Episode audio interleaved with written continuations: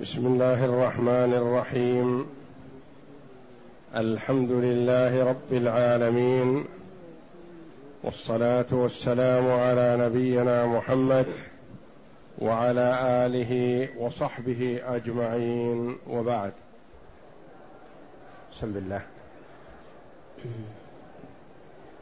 أعوذ بالله من الشيطان الرجيم. إن هذه تذكرة فمن شاء اتخذ إلى ربه سبيلا. إن ربك يعلم أنك تقوم أدنى من ثلثي الليل ونصفه وثلثه ونصفه وثلثه وطائفة من الذين معك والله يقدر الليل والنهار علم أن لن تحصوه فتاب عليكم. فاقرؤوا ما تيسر من القرآن. علم أن سيكون منكم مرضى وآخرون يضربون في الأرض يبتغون من فضل الله وآخرون يقاتلون في سبيل الله. فاقرؤوا ما تيسر منه. وأقيموا الصلاة وآتوا الزكاة وأقرضوا الله قرضا حسنا وما تقدموا لأنفسكم من خير تجدوه عند الله هو خيرا وأعظم أجرا وأعظم أجرا واستغفروا الله إن الله غفور رحيم. هاتان الآيتان الكريمتان هما خاتمة سورة المزمل.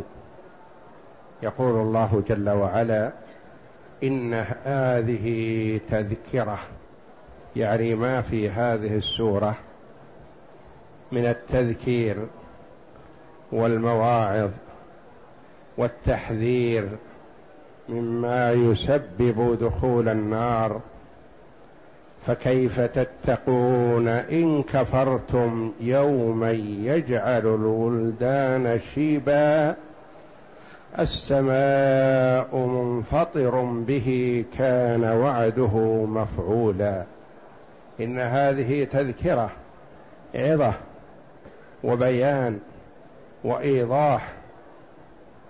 فمن شاء النجاة والسعادة في الدنيا والآخرة اتخذ إلى ربه سبيلا. اتخذ إلى طاعة الله جل وعلا سبيلا طريقا.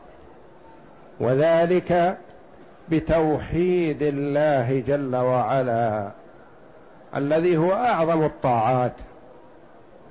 والبعد عن الكفر بالله الذي هو أعظم المعاصي وأظلم الظلم. فمن شاء النجاة والسعادة والفوز اتخذ إلى ربه سبيلا اتخذ طريقا إلى النجاة إلى طاعة الله وذلك بتوحيد الله جل وعلا وإفراده بالعبادة والبعد عن معصيته. ثم قال جل وعلا إن ربك يعلم أنك تقوم أدنى من ثلثي الليل ونصفه وثلثه وطائفة من الذين معك.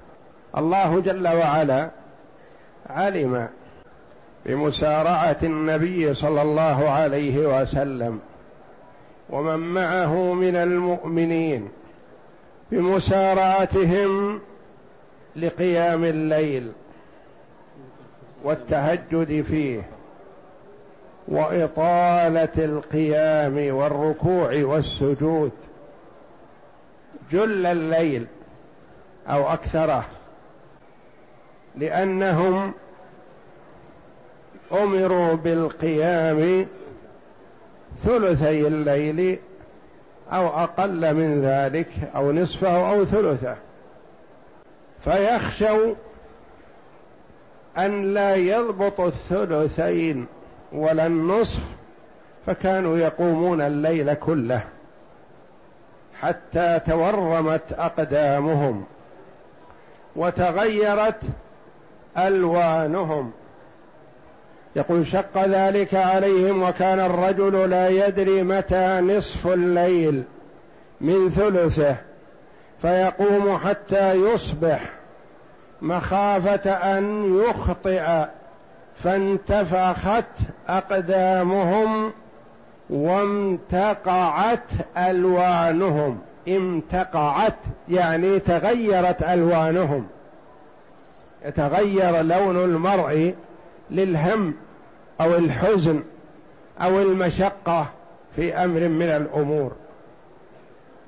وامتقعت ألوانهم فرحمهم الله وخفف عنهم. إن ربك يعلم أنك تقوم أدنى من ثلثي الليل يعني أدنى بمعنى أقل. ونصفه وثلثه. والقراءة الأخرى ونصفه وثلثه. قراءتان سبعيتان. وطائفة من الذين معك. طائفة هذا معطوف على الضمير في قوله يعلم أنك تقوم. تقوم أنت وطائفة من الذين معك. وطائفة من الذين معك يعني من المؤمنين. والقراءتان أدنى من ثلثي الليل يعني أقل من الثلثين. وتقوم على قراءة النصب ونصفه تقوم نصفه. وثلثه تقوم أدنى من الثلثين وتقوم النصف والثلث. والقراءة الأخرى أدنى من ثلثي الليل ونصفه. ونصفه يعني أدنى من النصف. وثلثه يعني أدنى من الثلث. أنها تكون معطوفة على ثلثي. أدنى من ثلثي أدنى من نصف أدنى من ثلث.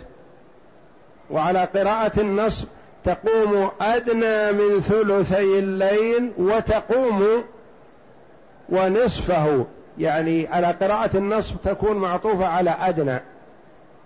تقوم أدنى تقوم نصفه وثلثه. وعلى قراءة الجر الكسر تقوم تكون معطوفة على ثلثي.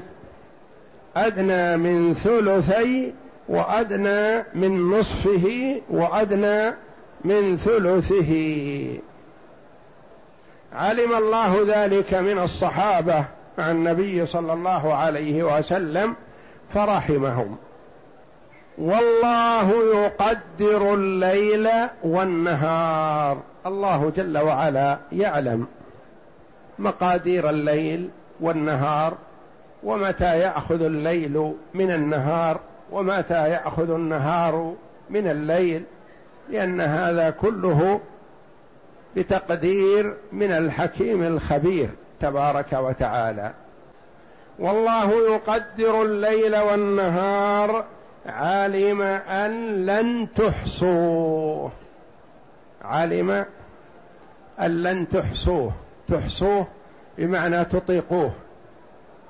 علم أن لن تحصوه يعني أن لن تعرفوه. أن لن تحصوه يعني علم أن لن تطيقوا ذلك. فخفف عنكم. علم أن لن تحصوه يعني ألا تضبطوه. فيتحرج الواحد منكم. فيقوم أكثر مما أمر به. خشية أن يقصر. وهذا أولى لأنه يناسب التخفيف.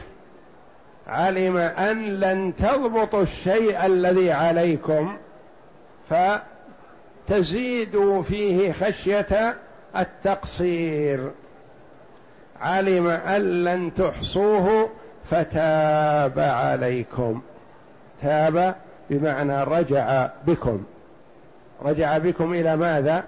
لأن التوبة الرجوع لغة. فتاب عليكم رجع بكم إلى الحال التي قبل الوجوب.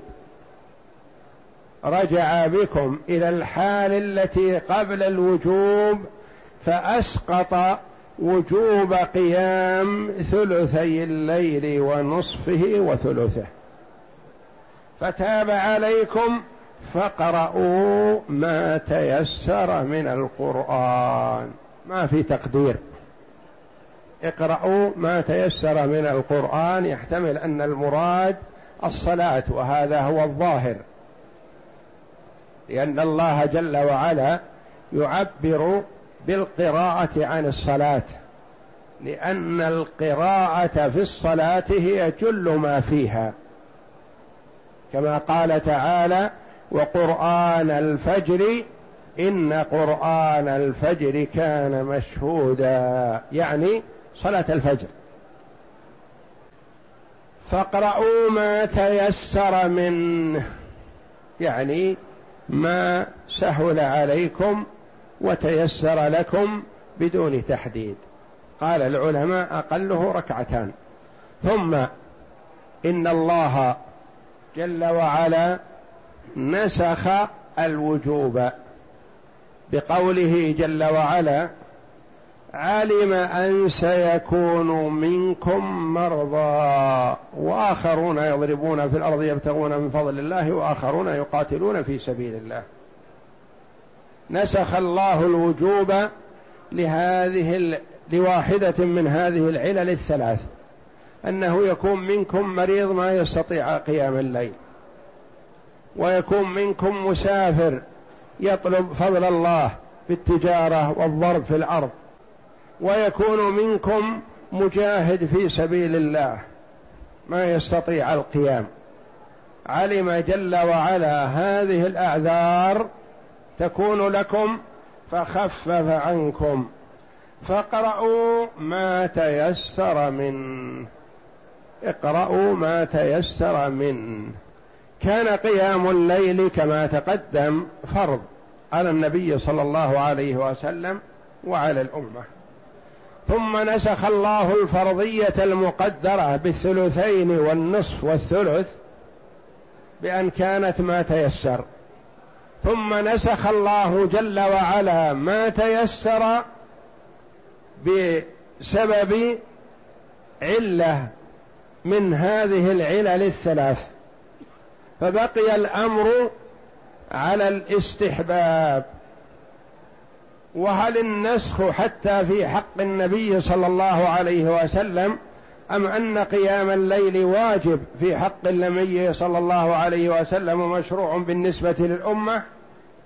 فقيام الليل واجب على النبي أو نسخ الوجوب؟ قولان للعلماء رحمهم الله ومن قال بالوجوب استدل بقوله تعالى ومن الليل فتهجد به نافلة لك عسى أن يبعثك ربك مقاما محمودا. قالوا يعني نافلة خصيصا لك ولك وحدك دون غيرك. قيام الليل واجب عليك دون غيرك. والآخرون قالوا هذه الآية دليل لنا وليست دليلا للوجوب بل هي دليل لعدم الوجوب لأن الله جل وعلا قال نافلة والنافلة المستحب وليس بالواجب. فاقرأوا ما تيسر منه.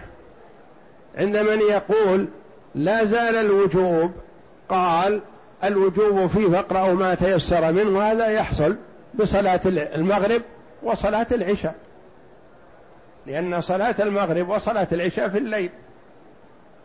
والقراءة فيهما كافية عما تيسر مع ما يكون معهما من النوافل من السنن الرواتب والتطوع والوتر. وليس الوتر بواجب بل يؤدى الوجوب بما يقرأ في صلاة المغرب وصلاة العشاء. آخرون قالوا الوجوب مطلقا منسوخ بالفرائض ودليلنا على هذا أن الرجل الذي سأل النبي صلى الله عليه وسلم عما افترض الله عليه قال صلى الله عليه وسلم خمس صلوات في اليوم والليلة. قال هل علي غيرها؟ قال لا إلا أن تطوع. فاستدل الإمام الشافعي وغيره رحمهم الله على أن قيام الليل ليس بواجب ولا حتى ولا القراءة فيه يعني ليس واجب لأن النبي صلى الله عليه وسلم ما ذكر شيئا من الوجوب عند من سأله ما عليه من الصلوات. قال خمس صلوات في اليوم والليلة قال هل علي غيرها؟ قال لا إلا أن تطوع. ولما أخبره النبي صلى الله عليه وسلم قال والذي بعثك بالحق لا أزيد على هذا ولا أنقص. فقال النبي صلى الله عليه وسلم أفلح إن صدق. يعني إذا أدى الوجوب أدى الواجب كما هو أدى الصلوات الخمس وإن لم يتطوع لا قبلها ولا بعدها إذا أداها كما أمر فقد أفلح. لأن الواجب على العباد هو ما افترض الله. والنوافل قربه وطاعة لله جل وعلا ويكمل الله جل وعلا بها الفرائض يوم القيامة. علم أن سيكون منكم مرضى والمريض يستدعي التخفيف ولهذا للمريض أن يجمع بين الصلاتين وإن كان مقيما بين أهله وفي داره. ولنعلم أنه لا تلازم بين الجمع والقصر. فيظن بعض الناس جهلا أنه إذا أبيح له الجمع أبيح له القصر وليس كذلك.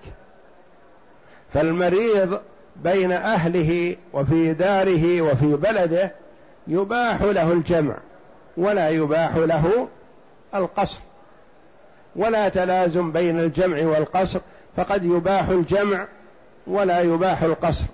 وقد يباح القصر ولا يباح الجمع.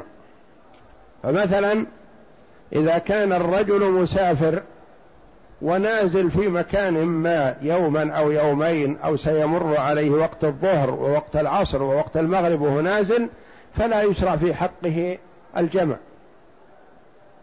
وإنما يصلي كل صلاة في وقتها. ويشرع له القصر ما دام مسافر. وإذا كان في بلده مريضا فيشرع له الجمع ولا يشرع له القصر. وإذا كان جادا به السير فيشرع له القصر والجمع. وآخرون يضربون في الأرض يبتغون من فضل الله. في هذه الآية فضل التجارة والضرب في الأرض. وطلب الرزق الحلال. وقد كان السلف رحمة الله عليهم يحرضون على هذا. قال ابن مسعود رضي الله عنه أيما رجل جلب شيئا إلى مدينة من مدائن المسلمين صابرا محتسبا فباعه بسعر يومه كان عند الله من الشهداء. ثم قرأ هذه الآية. وقال ابن عمر ما خلق الله موتة أموتها بعد القتل في سبيل الله أحب إلي من أن أموت بين شعبتي رحل أضرب في الأرض أبتغي من فضل الله. وقال طاووس الساعي على الأرملة والمسكين كالمجاهد في سبيل الله وفي هذا حديث صحيح. فالضرب في الأرض في طلب الرزق والكسب والحلال قرنه الله جل وعلا مع الجهاد في سبيله. وآخرون يقاتلون في سبيل الله يقاتلون الكفار لإدخالهم في الدين الإسلامي الذي هو الدين الحق وما سواه فهو باطل بعد بعثة محمد صلى الله عليه وسلم. فجميع الأديان منسوخة ببعثة محمد صلى الله عليه وسلم ولا يقبل الله من يهودي ولا نصراني ولا غيرهما إلا الدين الإسلامي. لأن الله جل وعلا يقول ومن يبتغي غير الإسلام دينا فلن يقبل منه وهو في الآخرة من الخاسرين. والجهاد مما رغب الله جل وعلا فيه لأن فيه مصلحة للناس. مصلحة. يجاهد الكافر من أجل لا حرصا على قتله وإنما حرصا على إدخاله في الدين الإسلامي. فإذا دخل في الدين الإسلامي فدمه حرام وماله حرام وهو أخونا ولنا ما له وعلينا وعليه ما علينا. وآخرون يقاتلون في سبيل الله. فاقرأوا ما تيسر منه بدون تحديد ولو آية ويقرأ في صلاة المغرب ويقرأ في صلاة العشاء. وأقيموا الصلاة لا تتساهلوا في أداء الفرائض بعد هذا التخفيف الذي خفف الله عنكم. وأقيموا الصلاة وآتوا الزكاة آتوا الزكاة. هذه الآية قيل إنها مكية. والزكاة نزل فرضيتها في المدينة.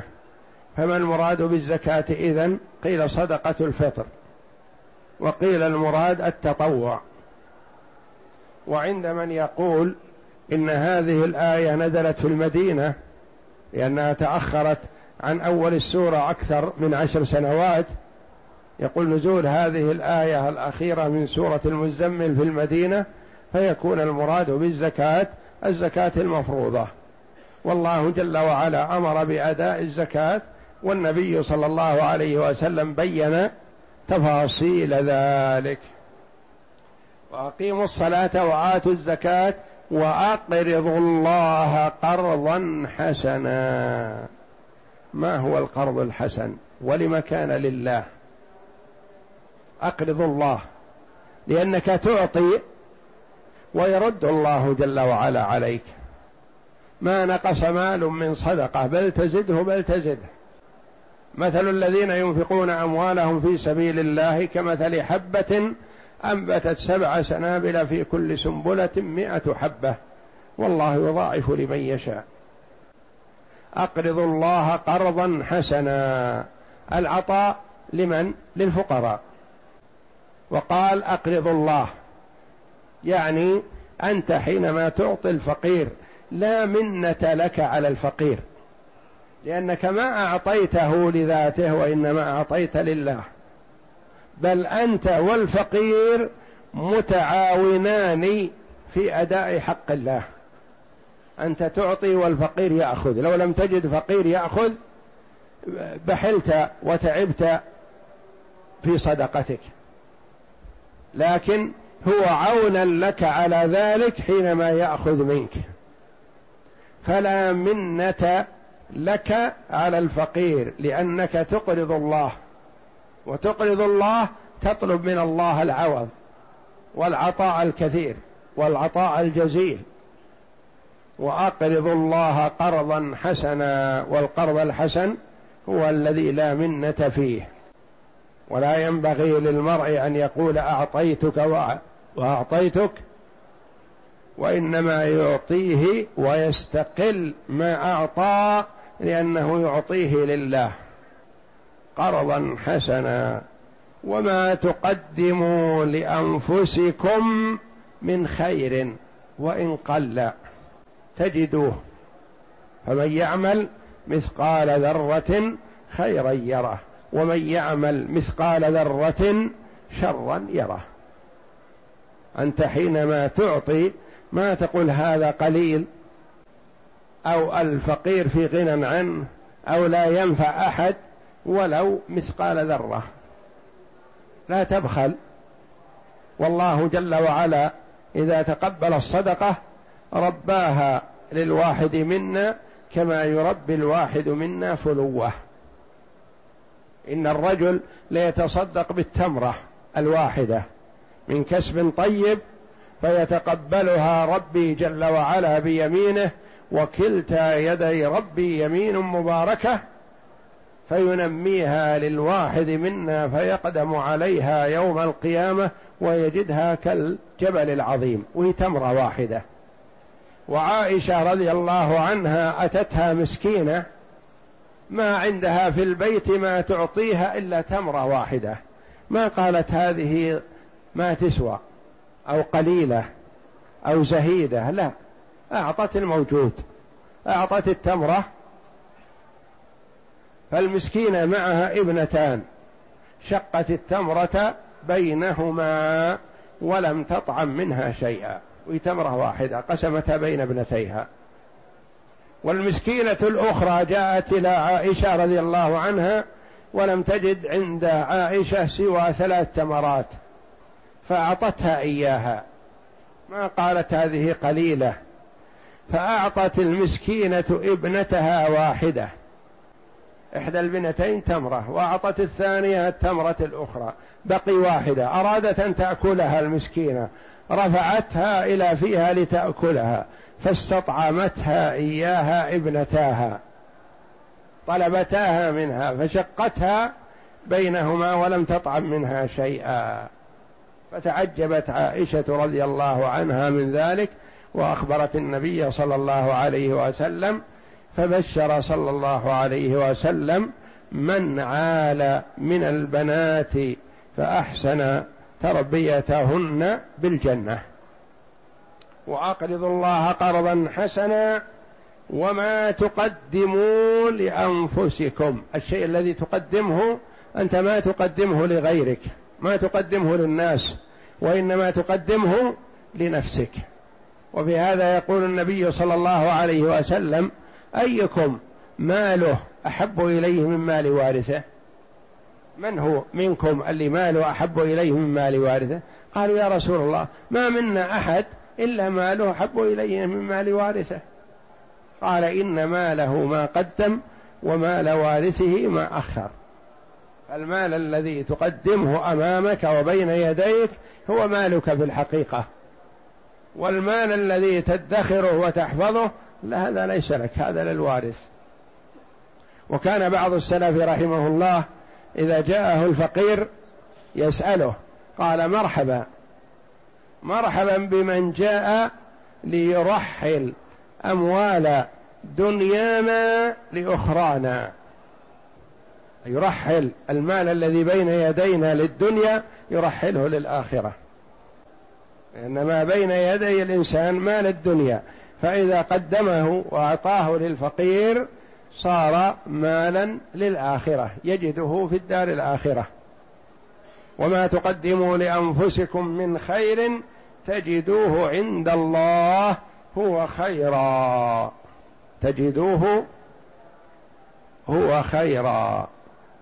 خير مفعول ثاني لتجدوه. المفعول الأول الضمير تجدوه خيرا. وفي قراءة خير تجدوه هو خير.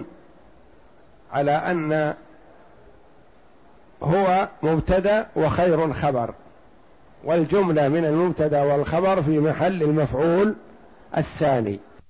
قراءة النصب هو خيرا خيرا هو المفعول الثاني وهو ضمير فصل. ضمير فصل لا محل له من الإعراب. تجدوه عند الله هو خيرا وأعظم أجرا أعظم معطوف على خير. أجرا وأجرا تمييز. واستغفروا الله. أمر الله جل وعلا بالاستغفار بعد أداء الطاعات وفي أثنائها وبعد الوقوع في المعصية.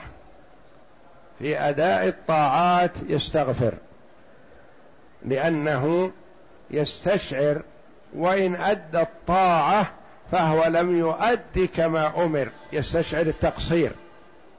المؤمن يستقل عمله وإن عظم. فهو لا يرى أن عمله عظيم فهو يستغفر الله. ويستغفر الله عند المعصية بالتوبة والرجوع إلى الله جل وعلا. واستغفروا الله إن الله غفور صيغة مبالغة. يعني يحب المغفرة. رحيم يحب الرحمة جل وعلا. فهو يحب من عباده أن يتعرضوا لمغفرته ويتعرضوا لرحمته فيعطيهم ذلك. وإذا أعرض العبد عن ربه تبارك وتعالى حرمه الله. واستغفر الله ثم علل الأمر بالاستغفار لأن الله جل وعلا غفور رحيم. استغفر لأن ربك يحب ذلك منك. لأن ربك يستجيب لك يغفر لك ذنبك ويرحمك ويثيبك على طاعتك. والله أعلم. وصلى الله وسلم وبارك على عبده ورسول نبينا محمد. وعلى آله وصحبه أجمعين.